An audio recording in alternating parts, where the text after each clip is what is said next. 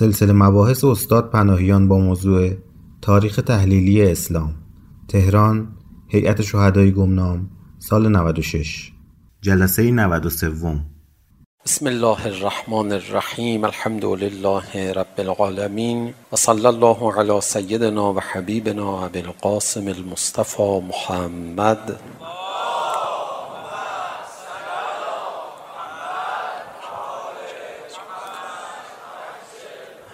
وآله الطيبين الطاهرين المعصومين لا سيما بقية الله في الأراضين روحي وأرواح الغالمين له الفداء واللعن الدائم على أعدائهم أجمعين إلى قيام يوم الدين رب اشرح لي صدري ويسر لي امري واحلل عقدة من لساني يفقهوا قولي هر چقدر مقام پیامبر نزد پروردگار عالم بالاتر میره هر چقدر ضرورت این که حرمت پیامبر رو بیشتر نگه داریم. بیشتر میشه کسانی که اناد میورزن قسی القلب میشن کفر میورزن. اینها طبیعتا با پیامبر بیشتر دشمن میشن. علت دشمنی واقعا معلوم نیست. حتی اگر بگیم حسادت این حسادت هم یک حسادت بسیار غیر منطقیه حسادت میورزیدن نسبت به این که پیامبر رسول خدا شده حبیب خدا شده. در حالی که تفاوت‌های پیامبر با خودشون رو درک می‌کردن.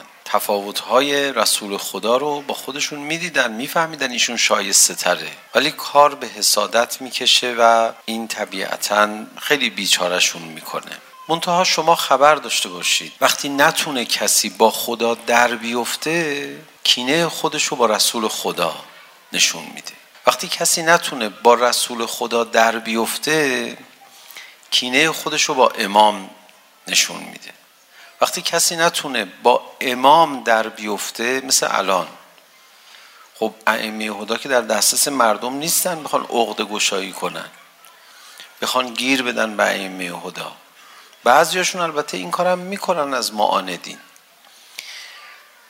عقده خودش رو خباست خودش رو با دیگر مؤمنین نشون میدن. من دیگه نمیخوام توضیحات بیشتر از این بدم. خود شما مطلب رو میگیرید. ولی در روایتی درباره اذیت کردن و آزار دادن رسول خدا شما میبینید که پیامبر اکرم میفرماید هر کسی من ادا مؤمنا فقط آدانی. هر کسی یه مؤمنی رو اذیت بکنه منو اذیت کرده. کسی یک مؤمن رو اذیت بکنه منو اذیت کرده و من آدانی فقط آد الله. و من آد الله کسی منو اذیت بکنه خدا رو اذیت کرده. و من آد الله فهو ملعونون. هر کسی خدا رو اذیت بکنه ملعون است در تورات آمده فی التورات و الانجیل و الزبور و الفرقان. بعد میفرماد یه همچی انسانی لعنت خدا باد فعلیه لعنت الله و الملائکه و الناس اجمعین. کسی که یه مؤمنی رو اذیت بکنه. آزار دادن مؤمن هم در ادامه آزار دادن رسول خداست. حضرت آدم رو خداوند متعال قبل از اینکه بیافرینه ظاهرا جسم او رو یا وضعیت مثالی او رو آفریده بود اما اما هنوز روح در او ندمیده بود. در روایتی هست که ابلیس هی رد میشد میگفت این کیه خدا خلق کرده؟ این چیه خدا آفریده؟ خب سوال داری دیگه. در حد سوال باقی بمونه دیگه. حالا بعدا سوالتو جواب میگیری. نه تنها سوال میکرد اعتراضم میکرد. کفرش هم در میومد یعنی هنوز هیچی نشده و نفخت و فیه من روحی تحقق پیدا نکرده. این همینجوری ناراحت بود کلا. بعد خدا که او رو بر ابلیس ترجیح داد و فرمود ابلیس تو هم مانند ملائکه بر او سجده کن این اشرف مخلوقات من هست در واقع ابلیس از خدا ناراحت شد در واقع ابلیس از خدا متنفر شد معلوم شد تا حالا زوری بندگی می کرده عشق خدا تو دلش نرفته بوده ولی نفرتش رو به خدا که نشون نمیتونه بده. نفرتش رو به آدم نشون داد و از او شروع کرد عیب جویی کردن. خلقتنی من نار خلقته من تین گفت و حرف های دیگه. کسانی که با خدا بد میشن نمیتونن بد شدنشون رو با خدا بروز بدن. بد شدنشون با خدا رو به اولیاء خدا نشون میدن. اگه برسن رسول خدا. اگه نرسن بقیه ائمه خدا. این که دیشب بحث به اینجا رسید که رسول خدا دیگه تأکید میکردن طبق دستور خدا بر محبت بچه هاشون بر اذیت نشدن اهل بیتشون. به حدی که اطرافیان رسول خدا دیدید که چی میگفتن؟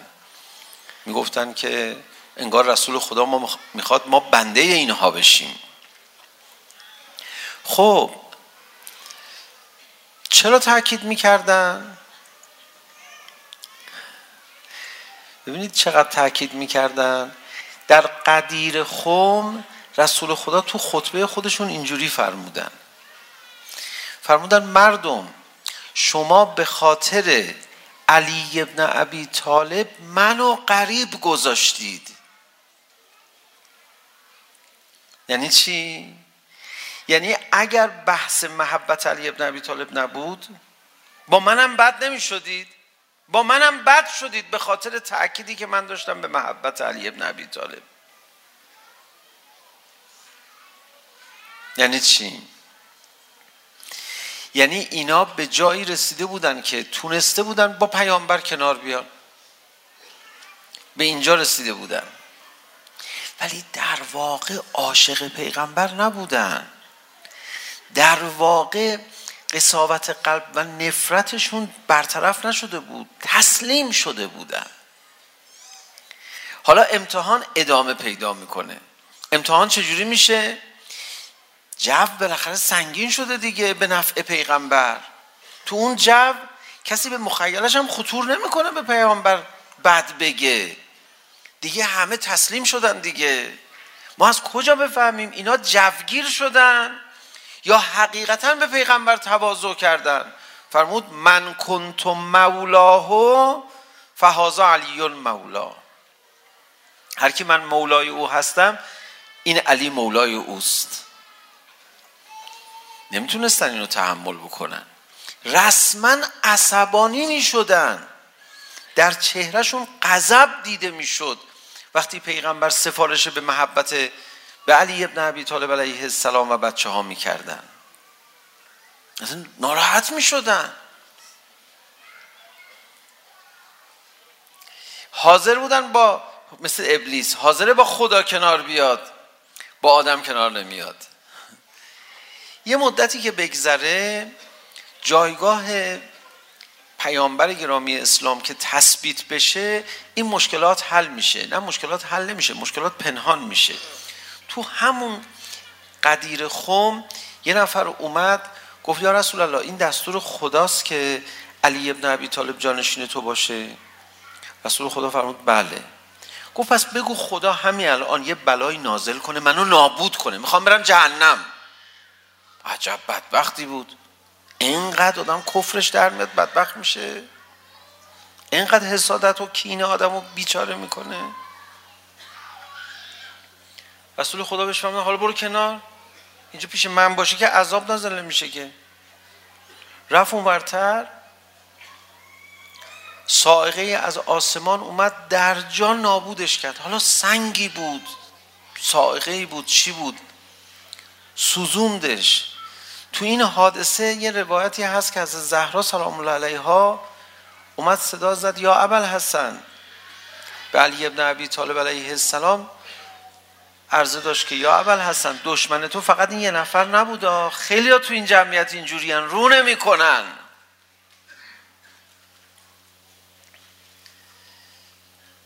امتحان محبت ادامه داره. الان ما تو جامعه خودمون مثل جامعه رسول خدا اون اواخر اینقدر جو سنگین شده در محبت امام زمان علیه السلام مگه کسی به این سادگی دشمن امام زمان میشه؟ مگه کسی به این سادگی دشمن امام حسین میشه؟ محاله البته محال که. داشتن بعضیا باب دشمنی با اهل بیت رو شروع میکردن. ولی دیگه کمتر پیدا میشه به هر حال کسی جسارت بورزه به ائمه هدا اونا کاری ندارن. از اون مجموعه میان پایین تر و کینه هاشون رو توی مراحل دیگه نشون میدن. همین حضرت امام رضوان الله تعالی علیه در زمان حیاتشون کسانی بودن که خدا شاده یک ذره احترام برای امام قائل نبودن. یک ذره حالا شاید ولی کاملا معلوم بود بی احترامی میکردن بعد از رحلت حضرت امام دیگه امام امام امام بعد به بقیه توهین میکردن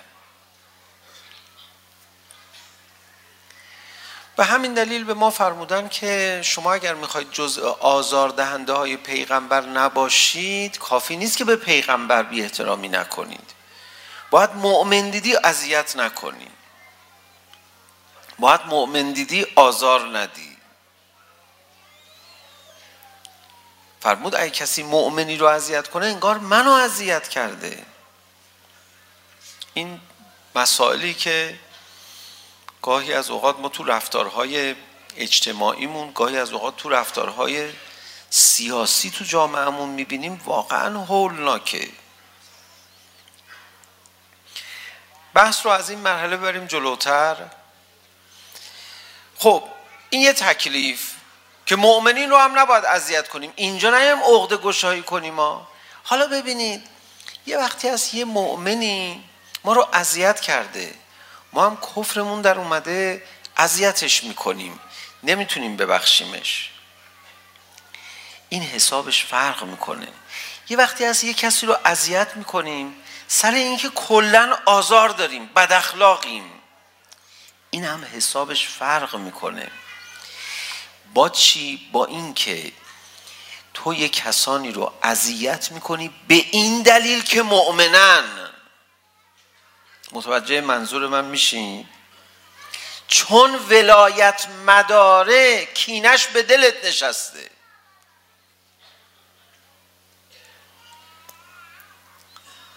آدم میبینه. به بعضی ها میگه که خب حالا تو چرا من متنفری اینقدر من من چیکار کردم تو فکر می‌کنی من ولایت مدارم واقعا نه من متنفر نیستم این عیباتو دیدم حالا این عیبو که خیلی یاد دارن ولی اینجوری بغض نداری از این بشت بدترش هم هست به اونا که میرسی میگی که توضیح نمیشه داد بله من نمیخوام بگم هر کسی رو آزار دادید مؤمن بود لعنت خدا شامل حال شما میشه. نه. اون آزاری لعنت خدا رو شامل حال شما میکنه که چون مؤمنه مهرش به دلت نمیشینه. چون مؤمنه اتفاقا قهرش و کینش به دلت میشینه. تو نه تنها باید هیچ وقت هیچ کسی رو آزار ندی. اون که به طور کلی توصیه اخلاقی لازمه. بلکه اگر فهمیدی یه کسی مؤمنه یه دفعه باید مهرش به دلت بشینه. ای باشو ببخشی. حتی اگه اذیتت کرده بود بگی بی خیال. گریه کن امام حسین. آدم به اینجا میرسه. در روایات که هست کلا کسی رو بهش توهین نکنید. برای چی؟ یه وقت دیدی از اولیاء خدا بود. ناغافل به ولی خدا توهین بکنی روزگارت سیاهه.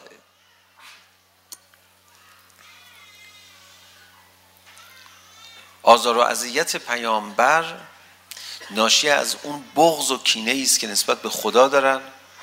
آزار و اذیت اولیاء خدا ناشی از بغض پنهانی است که به رسول خدا دارن. آزار و اذیت به دوستان اولیاء خدا ناشی از بغض پنهانی است که به اولیاء خدا دارن. ولی وقتی جو سنگین شد دیگه خیلی ها اون بغض به رسول خدا رو که دیگه ابراز نمیکنن که. بغض به امام رو که دیگه ابراز نمیکنن. میان تو کوچیکترها شروع میکنن پیاده کردن. تا اینجای بحث بمونه. خب ما در مقابل مؤمنین که باید مواظب باشیم یه وقت از کسی بدمون نیاد به دلیل اینکه ولایت مداره. نمیتونم توضیح بدم. من تسلیمم در این که توانایی توضیح این ماجرا رو ندارم. نمیدونم چی بگم الان. شاید یه بحث مستوفایی میخواد یه جایی آدم اینو تو خودش به جوره پیدا کنه. که من من ممکنه با خیلی بد بشم. یه وقت نباشه رو این حساب که چون نور ایمان و ولایت مداری توشه من بهش بد میشم. بلکه برعکس باید باشه. یه ویژگی فوق العاده است. نمیدونم چی به شما بگم. مهر مؤمنین علامت صفای دلته. شما باید باید به یه جایی برسی. انقدر دلت پاک و با صفا و نورانی باشه از یکی بدت اومد معلوم بشه که اون آدم درستی نیست. عاقبت به خیرم نمیشه. اینقدر دل قوی داشته باشی در شناسایی. از اون طرف هیچ وقت نباید هرچی هم به تو بدی کردن محبت اهل بیت ولایت اهل بیت تو دلشون هست تو نسبت بهشون بغض پیدا کنی. چیکار کنم؟ من خودمونی. نمیتونم واقعا چیکارت کنم؟ وضعیت میکنی چرا منو؟ در همین حد. کینش به دل نگیری. ببینید رفقای من یه مناسباتی رو ایمان درست میکنه. شب اول بحث عرض کردم یه مناسباتی رو بین ما و پیغمبر ایمان درست میکنه چون رسول خدا شد یه جایگاه خاصی نسبت به ما پیدا میکنه ما باید یه احساس خاص نسبت به او پیدا بکنیم یه احترام خاصی نسبت به او پیدا بکنیم یه جور پدری برای ما پیدا میکنه آدم با پدر مادرش چجوریه بالاخره دلش میره میگه خون میکشه اگه کسی پدر مادرش رو توهین کنه بدجور بدبخت میشه. میگن تو چقدر قسی القلبی؟ چون دلت اومد؟ اصلا چون دلت اومد؟ ای به بابا و مامان تو ببینی. دیدی پنهان کن. یه مناسباتی ایجاد میشه روحن بین ما و رسول خدا بین ما و چارده معصوم. بعد بین ما و مؤمنین. علامت ایمان محبت اهل ایمانه. این فرق میکنه این حرف با دستورات اخلاقی به نام نوع دوستی با دستورات اخلاقی به نام خوش اخلاق باش. این بالاتر از خوش اخلاقیه بالاتر از مهربانیه. بله مهربان که به همه آدما باید باشی نوع دوست که نسبت به همه باید باشی. ولی یه ارقی نسبت به ولایت مدارا باید پیدا بکنی. خدا شاید میای هیئت باید ببینی قلبت میگه من هیئتی ها رو دوست دارم. یه نوحهی بود میخوندن سینه زنات رو دوست دارم. چقدر قشنگ بودم یه جملهش من یادمه. این ارق ایجاد میشه. علامت ایمانه.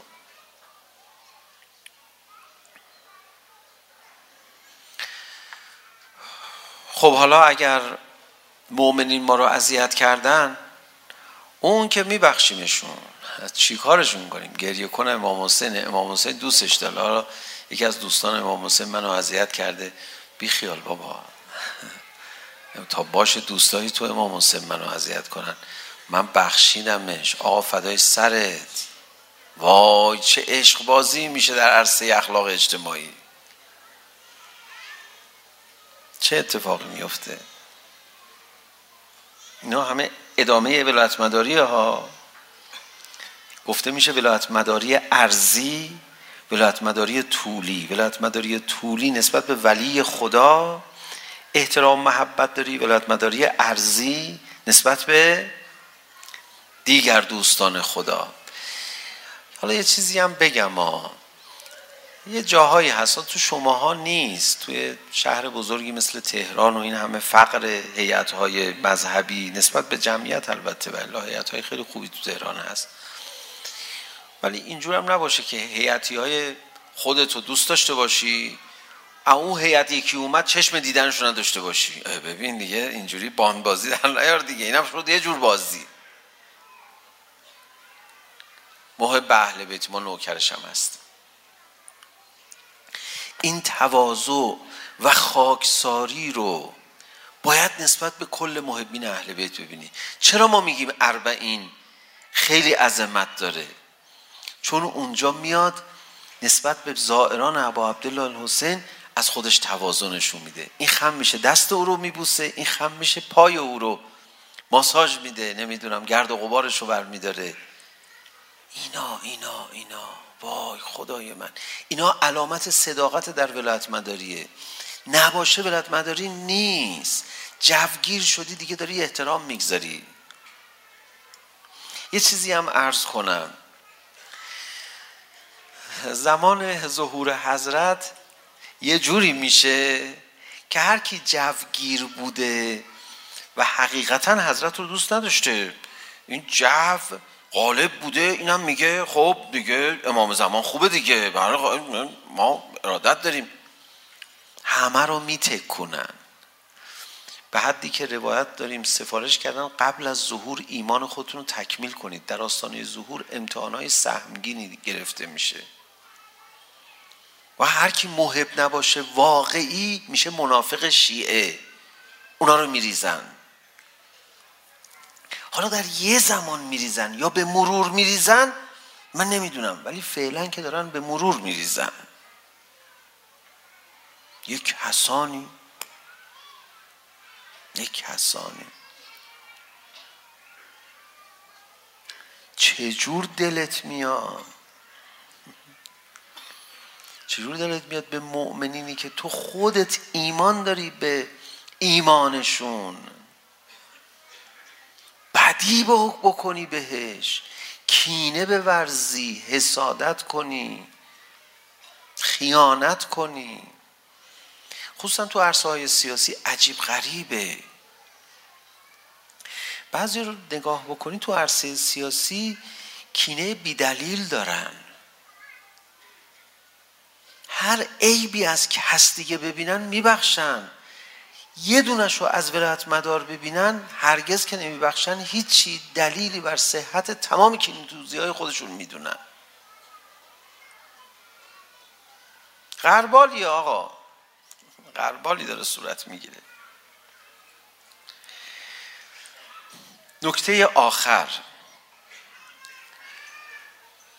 مؤمنین ما رو اذیت کردن. خب باید صبر کنیم و بیخیال و اینا. و اتفاقا من به شما بگم ها این حرفی که بنده زدم خیلی حرف اصول اصولی و اساسیه. حتما ولایت مدارا اذیتت میکنن. ولایت مدار. دارم با شما میگم.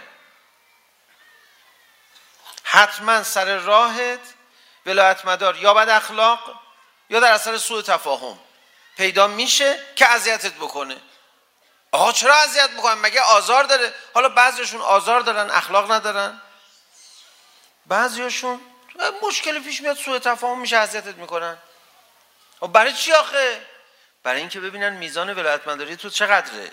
ولایت مدار اذیتت کرد کوتاه میای یا نه؟ این بازی های خدا رو حواسمون هست. بازی یعنی امتحان. این امتحان های خدا رو. حتما اینجوری میشه ها؟ چند تا ولایت مدار تا حالا بخشیدی اذیتت کردن؟ حالا یا تقصیر داشته یا نداشته بدبخت؟ به عشق امام حسین گفتی آقا بخشیدمش. مورد شما بود دیگه. من چیکار کنم؟ تو راه اربعین اینقدر راحت هم مردم هم دیگر میبخشن؟ البته بعضی هم همونجا هم بد اخلاقی میکنن. میبینی کنار زریحه. هل میدن. حالا نفهمیده هل داده. اشتباه کرده. اصلا هل داده. بیجا کرده هل داده. ما چی کار داریم؟ ما به ظاهرش نگاه میکنیم ظاهر ما حسینه بگیم جانم عزیزم له کردی پامون. داغون شدم به خدا یکم اون برتر تو رو خدا. اینجوری باید بگی قرم صدقه شاد بریم فداتون بشم من دارم ادامه ولایت مداری ادامه آزار ندادن رسول خدا رو دارم میگم. ما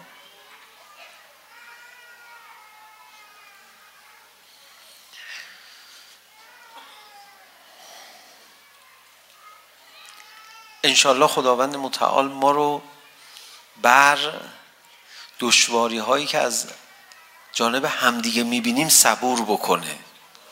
یه نفر اومد پیش امام رضا علیه السلام.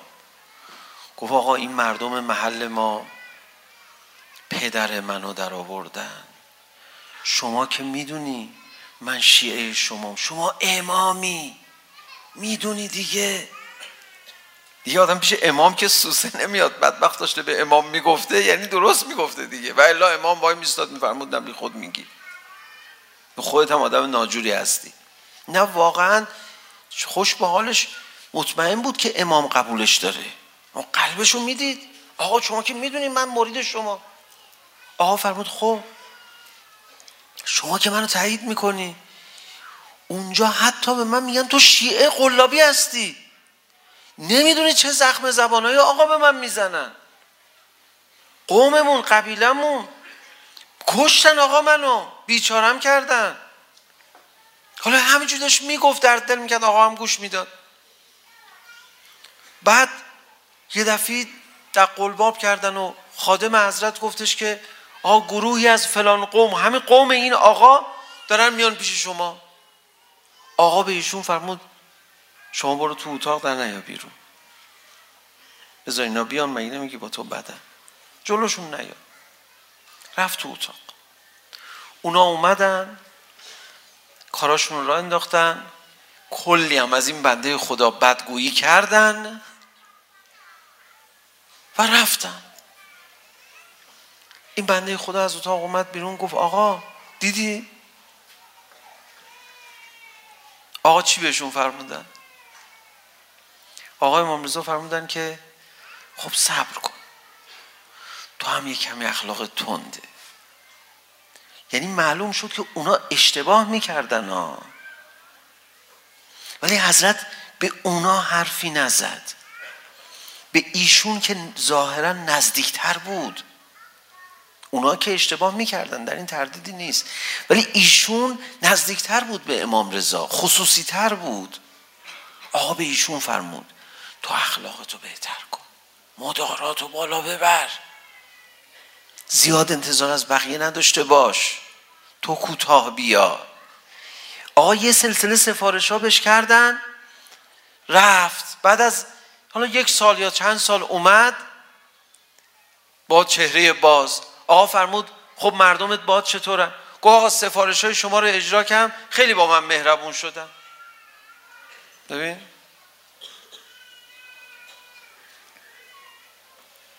من دوست ندارم درس اخلاق بدم دوست دارم درس ولایت بدم درس ولایت مداری چی به آدم میگه میگه اذیت دوستان اهل بیت رو قبول کن. این فصل تمام و یه جوری تا کن باهاشون خیلی بهترتر که دیگه اذیتت نکنن. مؤمنین ببینید ما باید حواسمون باشه نسبت به هم دیگه. باید یه فرهنگی ایجاد بشه که ما همه همدیگه رو سیاست مدار بدونیم. منطقه سیاست مدار به این معنا تا لبخند زد بگیم این سیاست مداره ها این ممکنه ناراحت شده باشه از حرف با ولی لبخند میزنه به روش نمیاره آخه تو با اینا رو نمیشناسی اینا زیرکن زیرک نه اینکه بخواد کلا سر من بذاره زیرک نه ببین منو که آب زیر کاهه زیرک یعنی تو ممکنه خیلی اذیتش بکنی هیچی نگه ها مواظبش باش. مؤمن اینجوریه. صد تا اذیت کنی به روت نمیاره. اینا همه اون شعاهای ولایت مداریه. چرا به روش نمیاری؟ خب معلومه دیگه به روش نمیارم معلومه برای چی به روش نمیارم؟ محب اهل بیتی من چیکارش کنم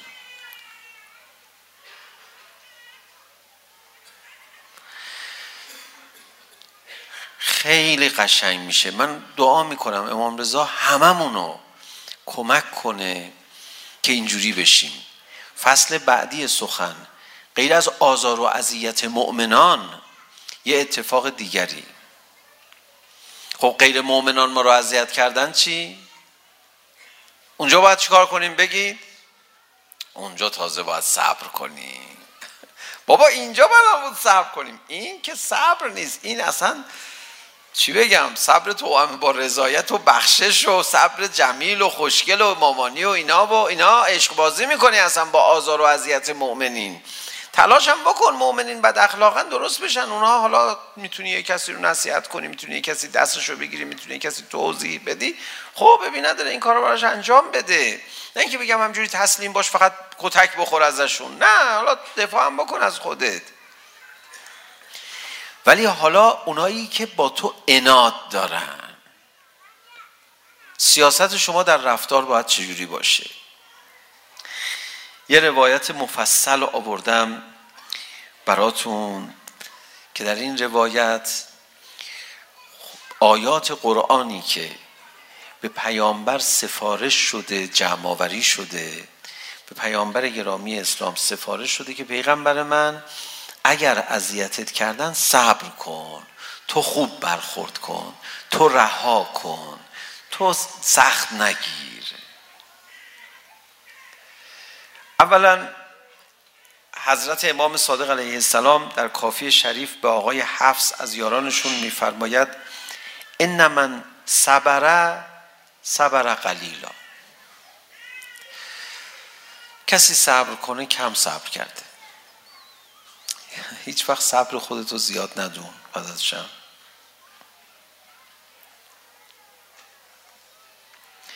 و ان من جزع جزع قلیلا.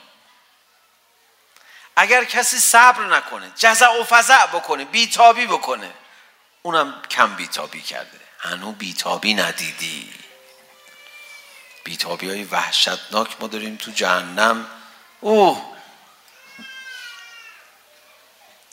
صبرم بکنی زیاد صبر نکردی. آدمی زاد جای صبر خیلی بیشتر از این حرفا داره. بعد جنبندی میفرماید. تو قال علیک به صبر فی جمیع امورک در همه امور خودت صبر کن. بعد میفرماید خداوند متعال پیامبر رو مبعوث کرد فامره به صبر و رفق به صبر و رفق او رو مأمور کرد. فقال واصبر علی ما یقولون واهجرهم هجرا جمیلا. پیامبر اکرم رو سفارش کرد به صبر و برخورد خوب با کسانی که او رو اذیت می‌کردند وزرنی و المکذبین اول نعمه. این آدمای متمول ثروتمند یا قدرتمند حالا پولداری که تو رو اذیت میکنن یعنی با دارایی های سنگینشون با امکاناتشون با موقعیت اجتماعیشون تو رو اذیت میکنن. شما چیکار کن؟ اونا رو به من واگذار کن.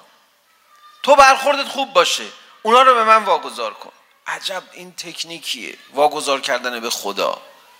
یک تکنیک عجیبه به خدا قسم. اگه کسی اذیتت بکنه رو حساب اینکه تو ایمان نداری.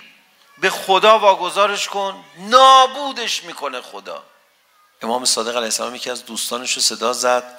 فرمود دیروز به اون پسرموت رسیدگی کردی که با دشمنه. خوشم اومد از کارت. خوب کاری کردی من ازت راضیم. اون تو رو اذیت کرد اما تو صله رحم کردی.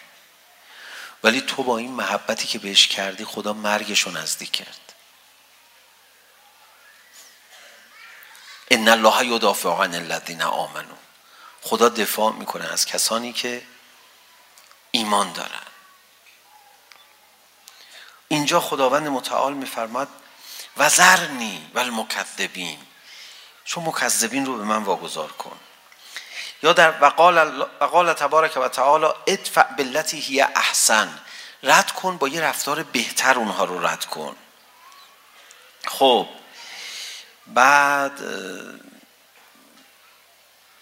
چند تا آیه دیگه تو این زمینه اشاره می‌فرماد. بعد می‌فرماد فصبر رسول الله. رسول خدا صبر کرد. تا اینکه خیلی اذیتش کردن. فزاق صدره. سینش تنگی کرد. خدا آیه نازل کرد.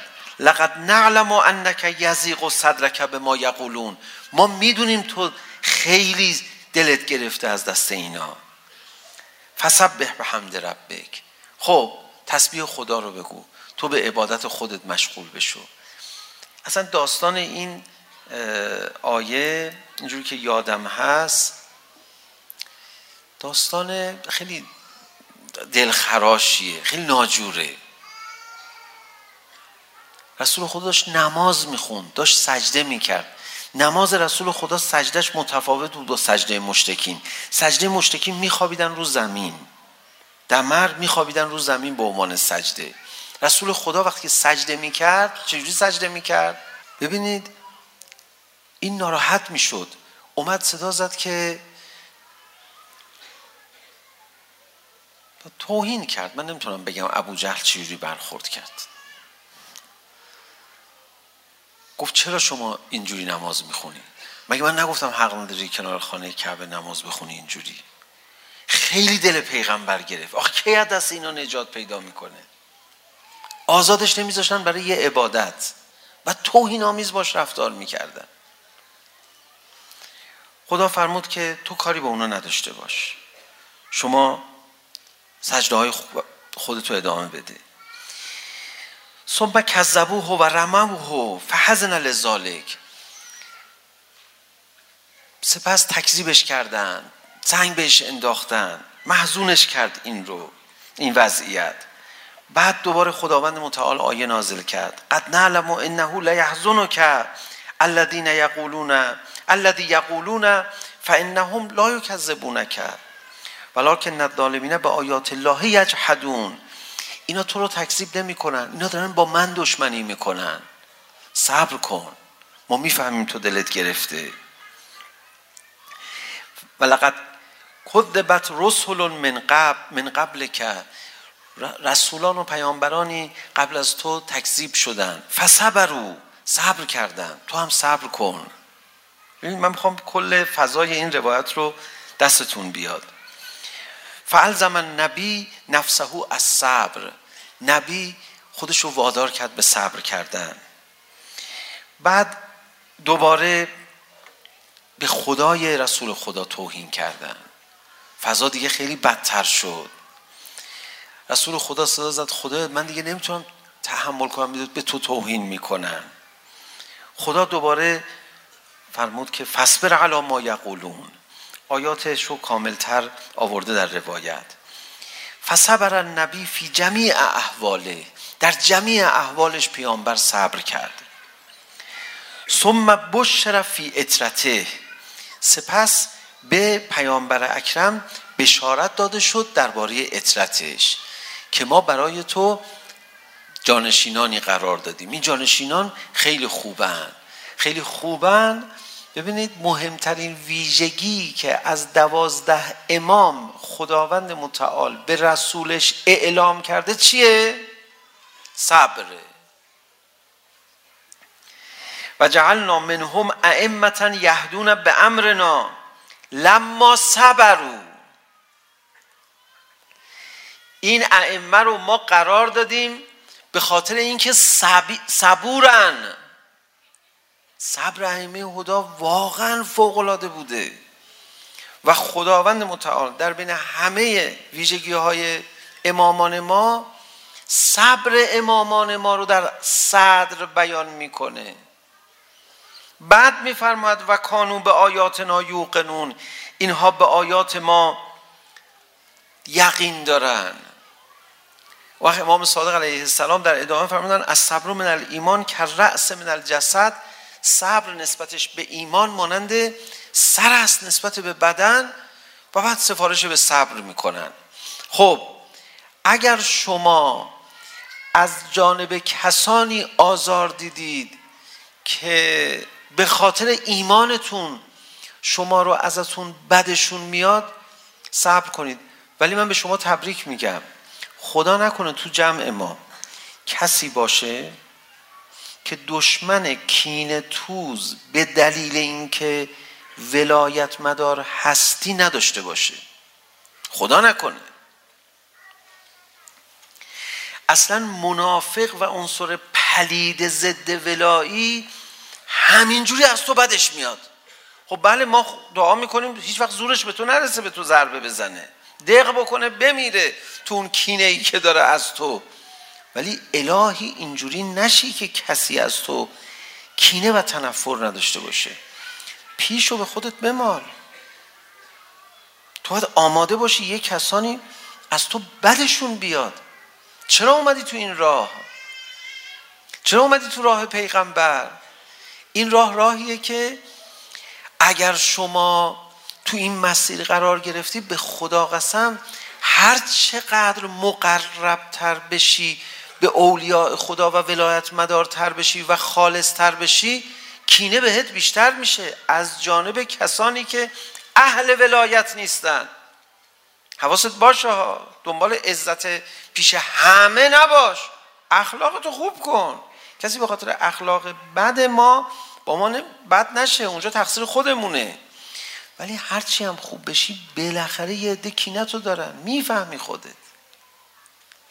نفرت ازت دارن ممکنه نشناسنت که نفرت ازت داشته باشن ولی اونا اونا اونایی که اهل نفرت از ولایتن تو رو دیدن باید ازت متنفر بشن من دعات میکنم انشالله بغض اهل نفاق نسبت به تو ساری و جاری بشه تا علامت ایمان تو باشه صبرم باید بکنی بله ما اصلا از قبل آماده بودیم. ما به خاطر اینکه به ما بد نگن دست از ولایت مداری برداریم. چی داری میگی تو؟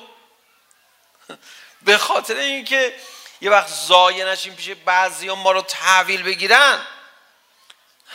ما دست از ولایت مداری برداریم. جوک داری میگی. البته ولایت مدارا نباید اخلاقشون رو یه جوری کنن که مردم به خاطر اخلاقشون از اونها بدشون بیاد. دو جور سوء یعنی دو جور مشکل مؤمن ممکنه پیدا کنه. دو جور ممکنه مؤمن رو آزار بدن. دو گروه یعنی. یه گروه گروه آدم خوبایی که اونا هم ولایت مدارن اخلاق ندارن یا سوء تفاهم شده شما رو اذیت میکنن. یه گروه هم دشمنان که اونا اگه تو رو اذیت کردن نوش جانت. بالاخره ولایت مدار شدی. امام شما رو اذیت میکردن. نبی شما رو اذیت میکردن. و شما میخوای اذیت نشی؟ خیلی نامردیه واقعا. جمله آخر بحثم رو بگم طول کشید. خب ما یه وظیفه دیگه ای هم داریم در قبال آزار و اذیت مؤمنین یا آزار و اذیت نبی خدا ولی خدا اولیاء خدا وظیفه داریم وظیفه دفاع داریم نه تنها وظیفه دفاع داریم بلکه بهترین دفاع چیه بگید شما بهترین دفاع اینه انقدر شکوه ولایت ولی خدا و اولیاء خدا و مؤمنین رو بالا ببریم بالا ببریم این احترام و وقع روحو که در قرآن سفارش کرد برای پیغمبر اینقدر وقار قائل بشیم برای رسول خدا. کسی به ذهنش خطور نکنه بخواد جسارت بکنه. ما تو این زمینه ها یک کمی کمکاری داریم میکنیم. امام زبان ارواحان الله الفدا مهمترین قدرتشون میدونید چیه؟ محبت دوستانشونه. آنچنان به حضرت محبت دارن اصلا کسی به مخیلش خطور نمیکنه بخواد کوچکترین نق و نقی بکنه.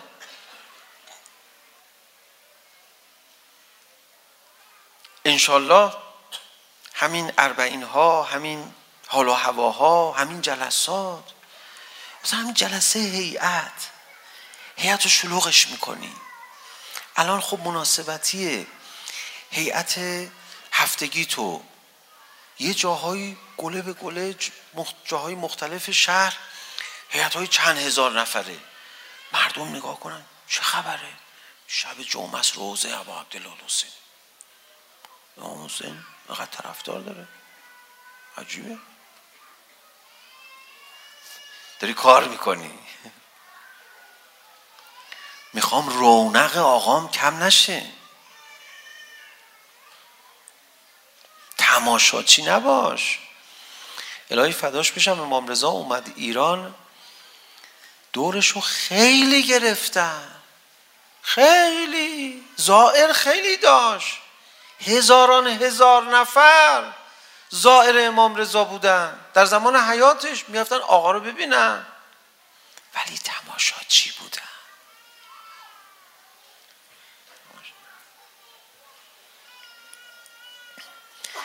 تماشاچی نباش طرفدار باش به قول فارسی را پاس نداریم سمپاتی کن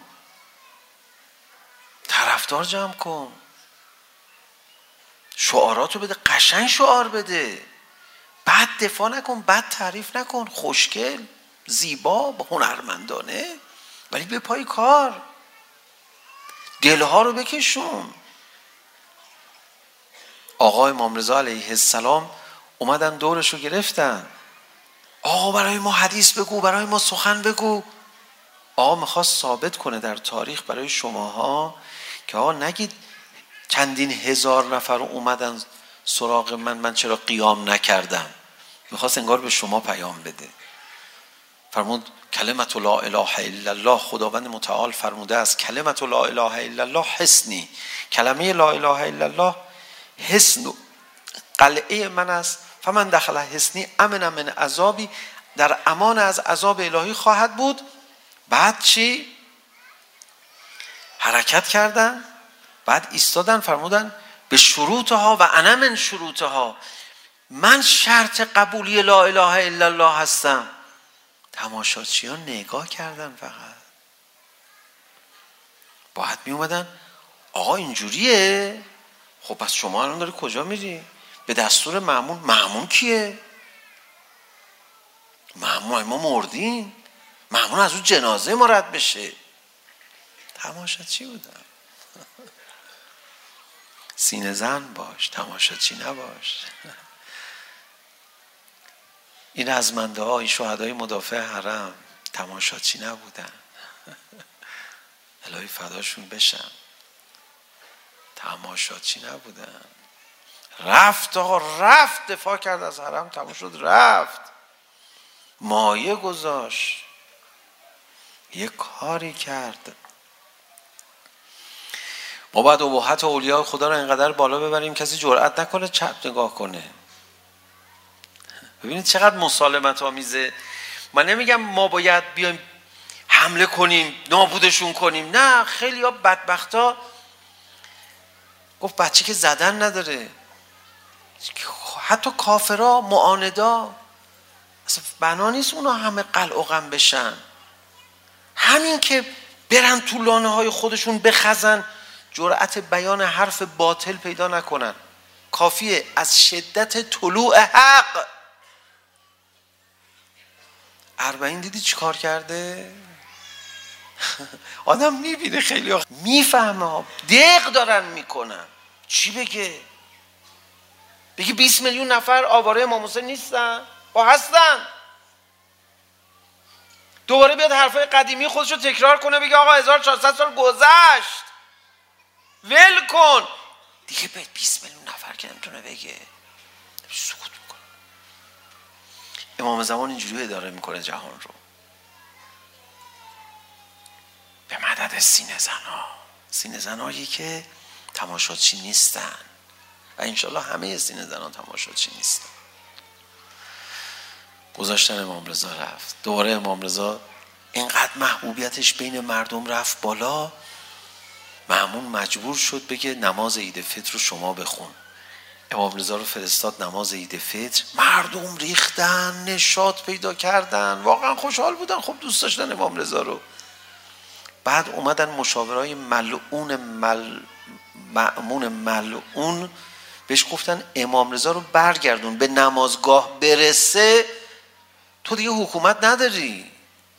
امام رضا رو از وسط راه برگردون. مردم بازم تماشاچی بودن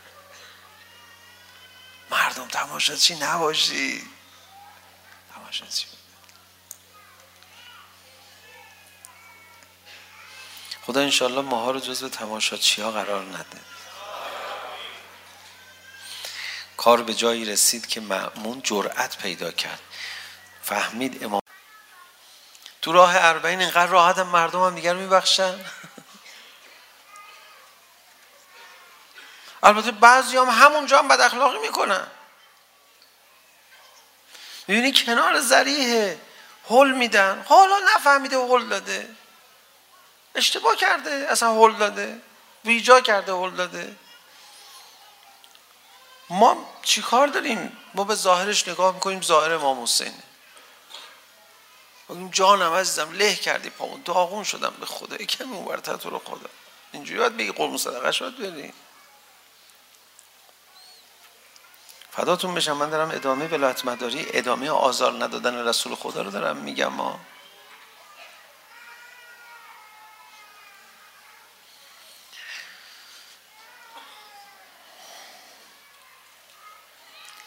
انشالله خداوند متعال ما رو بر دشواری هایی که از جانب همدیگه میبینیم صبور بکنه یه نفر اومد پیش امام رضا علیه السلام گفت آقا این مردم محل ما پدر منو در آوردن شما که میدونی من شیعه شما شما امامی میدونی دیگه دیگه آدم پیش امام که سوسه نمیاد بدبخت داشته به امام میگفته یعنی درست میگفته دیگه و الا امام وای میستاد میفرمود نبی خود میگی خودت هم آدم ناجوری هستی نه واقعا خوش به حالش مطمئن بود که امام قبولش داره اون قلبشو میدید؟ آقا شما که میدونید من مرید شما.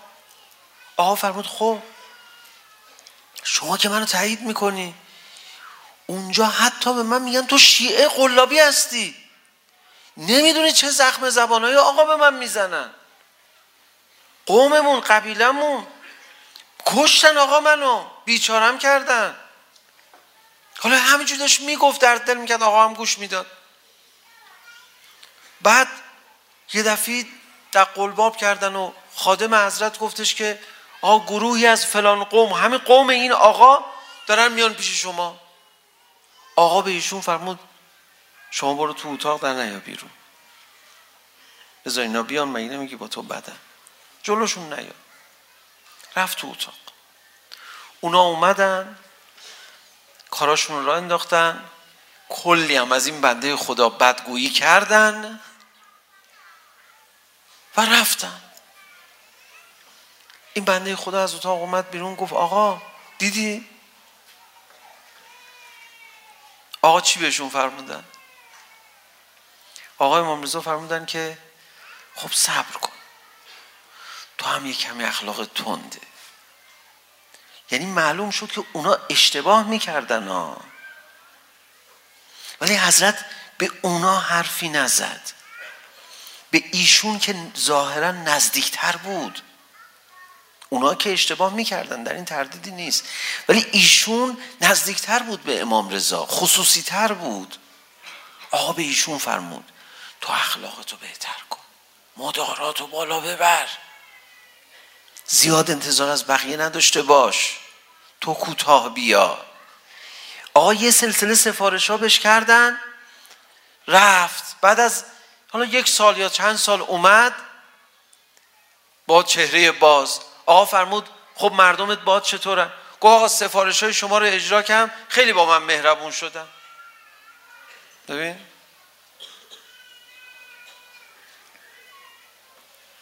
من دوست ندارم درس اخلاق بدم دوست دارم درس ولایت بدم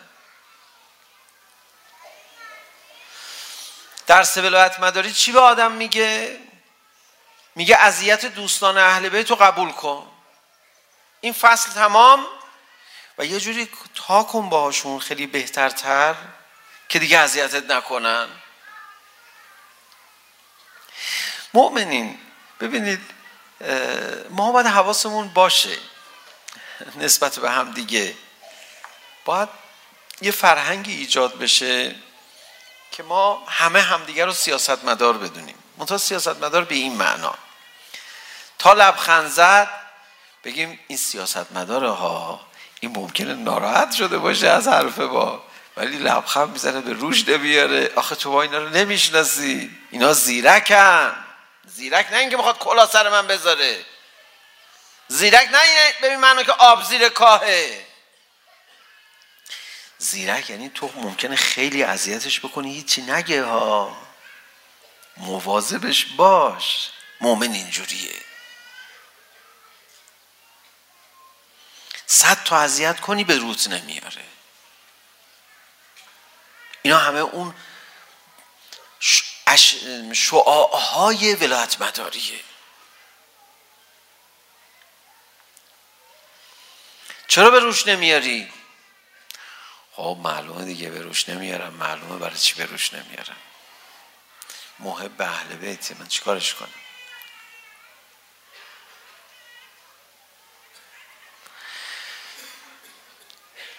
خیلی قشنگ میشه من دعا میکنم امام رضا هممونو کمک کنه که اینجوری بشیم فصل بعدی سخن غیر از آزار و اذیت مؤمنان یه اتفاق دیگری خب غیر مؤمنان ما رو اذیت کردن چی اونجا باید چیکار کنیم بگید اونجا تازه باید صبر کنیم بابا اینجا باید بود صبر کنیم این که صبر نیست این اصلا چی بگم صبر تو هم با رضایت و بخشش و صبر جمیل و خوشگل و مامانی و اینا و اینا عشق بازی میکنی اصلا با آزار و اذیت مؤمنین تلاش هم بکن مؤمنین بد اخلاقا درست بشن. اونها حالا میتونی یه کسی رو نصیحت کنی میتونی یه کسی دستش رو بگیری میتونی یه کسی توضیح بدی. خب ببین نداره این کارو براش انجام بده. نه اینکه بگم همجوری تسلیم باش فقط کتک بخور ازشون. نه حالا دفاع هم بکن از خودت. ولی حالا اونایی که با تو اناد دارن سیاست شما در رفتار باید چجوری باشه؟ یه روایت مفصل رو آوردم براتون که در این روایت آیات قرآنی که به پیامبر سفارش شده جمعآوری شده به پیامبر گرامی اسلام سفارش شده که پیغمبر من اگر اذیتت کردن صبر کن تو خوب برخورد کن تو رها کن تو سخت نگیر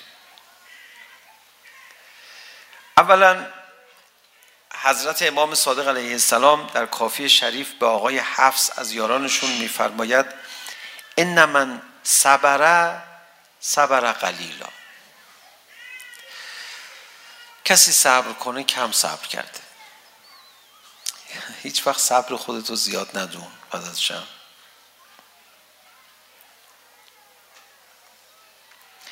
و ان من جزع جزع قلیلا. اگر کسی صبر نکنه جزع و فزع بکنه بیتابی بکنه اونم کم بیتابی کرده. هنو بیتابی ندیدی. بیتابی های وحشتناک ما داریم تو جهنم. اوه! صبرم بکنی زیاد صبر نکردی. آدمی آدمیزاد جای صبر خیلی بیشتر از این حرفا داره. بعد جنبندی میفرماید. تو قالت علیک به صبر فی جمیع امورک در همه امور خودت صبر کن. بعد میفرماید خداوند متعال پیامبر رو مبعوث کرد فامره به صبر و رفق به صبر و رفق او رو مأمور کرد. فقال واصبر علی ما یقولون وهجرهم حجرا جمیلا. پیامبر اکرم رو سفارش کرد به صبر و برخورد خوب با کسانی که او رو اذیت می‌کردند وزرنی و المکذبین اول نعمه. این آدمای متمول ثروتمند یا قدرتمند حالا پولداری که تو رو اذیت میکنن یعنی با دارایی های سنگینشون با امکاناتشون با موقعیت اجتماعیشون تو رو اذیت میکنن. شما چیکار کن؟ اونا رو به من واگذار کن. تو برخوردت خوب باشه. اونا رو به من واگذار کن. عجب این تکنیکیه. واگذار کردن به خدا. یک تکنیک عجیبه به خدا قسم. اگه کسی اذیتت بکنه رو حساب اینکه تو ایمان نداری. به خدا واگذارش کن. نابودش میکنه خدا. امام صادق علیه السلام یکی از دوستانش رو صدا زد. فرمود دیروز به اون پسرموت رسیدگی کردی که با دشمنه. خوشم اومد از کارت. خوب کاری کردی من ازت راضیم. اون تو رو اذیت کرد اما تو صله رحم کردی. ولی تو با این محبتی که بهش کردی خدا مرگش رو نزدیک کرد. ان الله یدافع عن الذين آمنوا. خدا دفاع میکنه از کسانی که ایمان دارن. اینجا خداوند متعال میفرماد و ذرنی و المکذبین چون مکذبین رو به من واگذار کن. یا در وقال وقال تبارک و تعالی ادفع بالتی هی احسن. رد کن با یه رفتار بهتر اونها رو رد کن. خب بعد چند تا آیه دیگه تو این زمینه اشاره می‌فرماد. بعد می‌فرماد فصبر رسول الله. رسول خدا صبر کرد. تا اینکه خیلی اذیتش کردن. فزاق صدره. سینش تنگی کرد. خدا آیه نازل کرد. لقد نعلم انك يزيغ صدرك بما يقولون ما میدونیم تو خیلی دلت گرفته از دست اینا فسبح به حمد ربک خب تسبیح خدا رو بگو تو به عبادت خودت مشغول بشو اصلا داستان این آیه اینجوری که یادم هست داستان خیلی دلخراشیه خیلی ناجوره رسول خدا داشت نماز میخوند داشت سجده میکرد نماز رسول خدا سجدش متفاوت بود با سجده مشتکین سجده مشتکین میخوابیدن رو زمین در مرد میخوابیدن رو زمین به عنوان سجده رسول خدا وقتی سجده میکرد چجوری سجده میکرد ببینید این ناراحت میشد اومد صدا زد که توهین کرد من نمیتونم بگم ابو جهل چجوری برخورد کرد گفت چرا شما اینجوری نماز میخونی؟ مگه من نگفتم حق نداری کنار خانه کعبه نماز بخونی اینجوری؟ خیلی دل پیغمبر گرفت. آخه کی از دست اینا نجات پیدا میکنه؟ آزادش نمیذاشتن برای یه عبادت. و توهین آمیز باش رفتار میکردن. خدا فرمود که تو کاری به اونا نداشته باش. شما سجده های خودتو ادامه بده. ثم كذبوه ورموه فحزن لذلك سپس تکذیبش کردن زنگ بهش انداختن محزونش کرد این رو این وضعیت. بعد دوباره خداوند متعال آیه نازل کرد. قد نعلم انه لا يحزنك الذين يقولون الذي يقولون فانهم لا يكذبونك ولكن الظالمين به آیات الله یجحدون.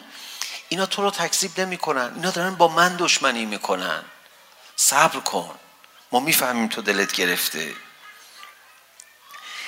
ولقد کذبت رسل من قبل من قبل که رسولان و پیامبرانی قبل از تو تکذیب شدن. فصبروا. صبر کردن. تو هم صبر کن. ببین من میخوام کل فضای این روایت رو دستتون بیاد. فالزم النبی نفسه از صبر نبی خودش رو وادار کرد به صبر کردن. بعد دوباره به خدای رسول خدا توهین کردن. فضا دیگه خیلی بدتر شد. رسول خدا صدا زد خدا من دیگه نمیتونم تحمل کنم میدود به تو توهین میکنم. خدا دوباره فرمود که فصبر علی ما یقولون. آیاتش رو کاملتر آورده در روایت؟ فصبر النبی فی جمیع احواله. در جمیع احوالش پیامبر صبر کرد. ثم بشر فی اطرته. سپس به پیامبر اکرم بشارت داده شد درباره اطرتش که ما برای تو جانشینانی قرار دادیم. این جانشینان خیلی خوبن. خیلی خوبن ببینید مهمترین ویژگی که از دوازده امام خداوند متعال به رسولش اعلام کرده چیه؟ صبره و جعلنا منهم ائمه یهدون به امرنا لما صبروا. این ائمه رو ما قرار دادیم به خاطر اینکه صبورن. صبر ائمه خدا واقعا فوق العاده بوده. و خداوند متعال در بین همه ویژگی های امامان ما صبر امامان ما رو در صدر بیان میکنه. بعد میفرماد و کانو به آیاتنا یوقنون اینها به آیات ما یقین دارن. و امام صادق علیه السلام در ادامه فرمودن از صبر من الایمان که رأس من الجسد صبر نسبتش به ایمان مانند سر است نسبت به بدن و بعد سفارش به صبر میکنن خب اگر شما از جانب کسانی آزار دیدید که به خاطر ایمانتون شما رو ازتون بدشون میاد صبر کنید ولی من به شما تبریک میگم خدا نکنه تو جمع ما کسی باشه که دشمن کین توز به دلیل اینکه ولایت مدار هستی نداشته باشه. خدا نکنه. اصلا منافق و عنصر پلید ضد ولایی همینجوری از تو بدش میاد. خب بله ما دعا میکنیم هیچ وقت زورش به تو نرسه به تو ضربه بزنه.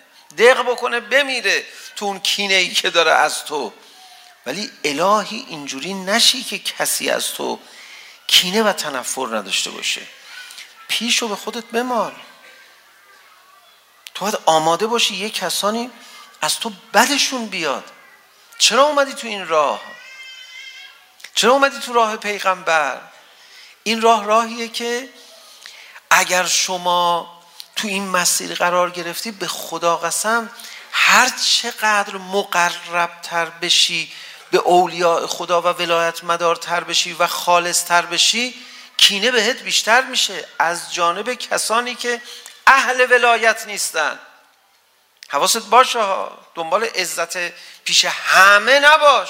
اخلاق تو خوب کن. کسی به خاطر اخلاق بد ما با ما بد نشه اونجا تقصیر خودمونه. ولی هرچی هم خوب بشی بالاخره یه عده کینه تو دارن. میفهمی خودت. نفرت ازت دارن ممکنه نشناسنت که نفرت ازت داشته باشن ولی اونا اونا اونایی که اهل نفرت از ولایتن تو رو دیدن باید ازت متنفر بشن من دعات میکنم انشالله بغض اهل نفاق نسبت به تو ساری و جاری بشه تا علامت ایمان تو باشه صبرم باید بکنی بله ما اصلا از قبل آماده بودیم. ما به خاطر اینکه به ما بد نگن دست از ولایت مداری برداریم. چی داری میگی تو؟ به خاطر اینکه یه وقت زایه نشیم پیش بعضی ما رو تحویل بگیرن. ما دست از ولایت مداری برداریم. جوک داری میگی. البته ولایت مدارا نباید اخلاقشون رو یه جوری کنن که مردم به خاطر اخلاقشون از اونها بدشون بیاد. دو جور سوء یعنی دو جور مشکل مؤمن ممکنه پیدا کنه. دو جور ممکنه مؤمن رو آزار بدن. دو گروه یعنی. یه گروه گروه آدم خوبایی که اونا هم ولایت مدارن اخلاق ندارن یا سوء تفاهم شده شما رو اذیت میکنن.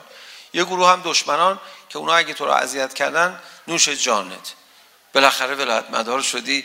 امام شما رو اذیت میکردن. نبی شما رو اذیت میکردن. و شما میخوای اذیت نشی؟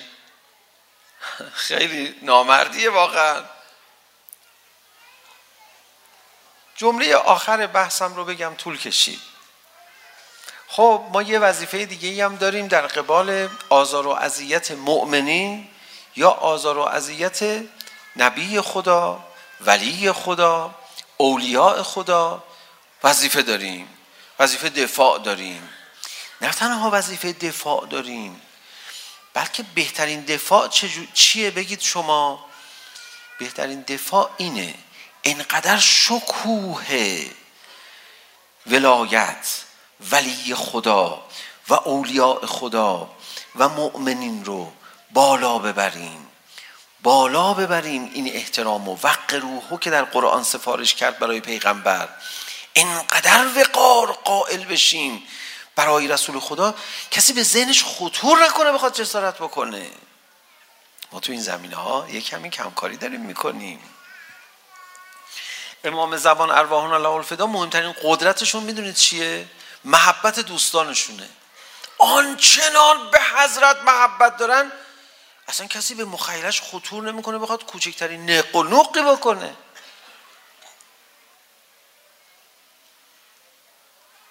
انشالله همین اربعین ها همین حال و هواها همین جلسات مثلا همین جلسه هیئت هیئت رو شلوغش میکنی الان خب مناسبتیه هیئت هفتگی تو یه جاهای گله به گله جاهای مختلف شهر هیئت های چند هزار نفره مردم نگاه کنن چه خبره شب جمعه است روزه ابا عبدالله حسین امام حسین اینقدر طرفدار داره عجیبه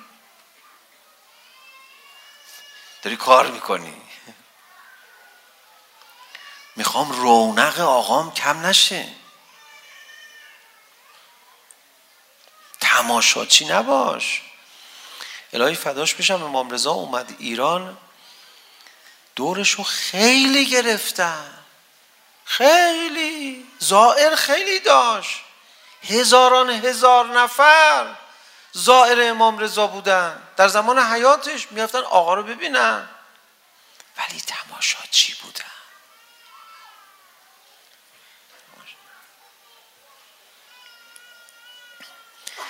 تماشاچی نباش طرفدار باش به قول فارسی را پاس نداریم سمپاتی کن طرفدار جمع کن شعاراتو بده قشنگ شعار بده. بعد دفاع نکن بعد تعریف نکن. خوشگل زیبا هنرمندانه. ولی به پای کار. دلها رو بکشون. آقا امام رضا علیه السلام اومدن دورش رو گرفتن. آقا برای ما حدیث بگو برای ما سخن بگو. آقا میخواست ثابت کنه در تاریخ برای شماها که آقا نگید چندین هزار نفر اومدن سراغ من من چرا قیام نکردم؟ میخواست انگار به شما پیام بده. فرمود کلمت لا اله الا الله. خداوند متعال فرموده است کلمت لا اله الا الله حسنی. کلمه لا اله الا الله حسن قلعه من است. فمن دخل حسنی امن من عذابی. در امان از عذاب الهی خواهد بود. بعد چی؟ حرکت کردن. بعد ایستادن فرمودن به شروطها و انا من شروطها من شرط قبولی لا اله الا الله هستم تماشاچیان نگاه کردن فقط باید می اومدن آقا اینجوریه خب پس شما الان داری کجا میری به دستور معمون معمون کیه معمون ما مردیم معمون از اون جنازه ما رد بشه تماشاچی بودن سینه زن باش تماشا چی نباش. این از منده ها این شهدای مدافع حرم تماشا چی نبودن. الهی فداشون بشم تماشا چی نبودن. رفت آقا رفت دفاع کرد از حرم تمام شد رفت. مایه گذاشت.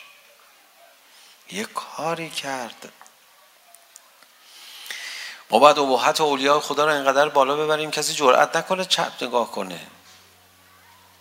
ببینید چقدر مسالمت آمیزه من نمیگم ما باید بیایم حمله کنیم نابودشون کنیم نه خیلی ها بدبخت ها گفت بچه که زدن نداره حتی کافرا معاندا اصلا بنا نیست اونا همه قلع و غم بشن همین که برن تو لانه های خودشون بخزن جرأت بیان حرف باطل پیدا نکنن کافیه از شدت طلوع حق